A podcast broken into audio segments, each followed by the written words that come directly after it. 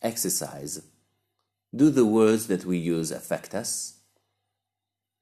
Words are not neutral. They communicate something to us and provoke certain emotions in us.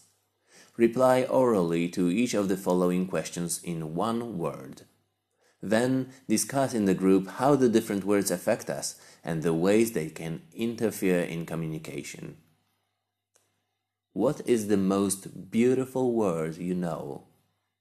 What is the most horrific and detestable word you know? What is the most terrifying word you know? What is the best word to define loneliness? What is the best word to define happiness?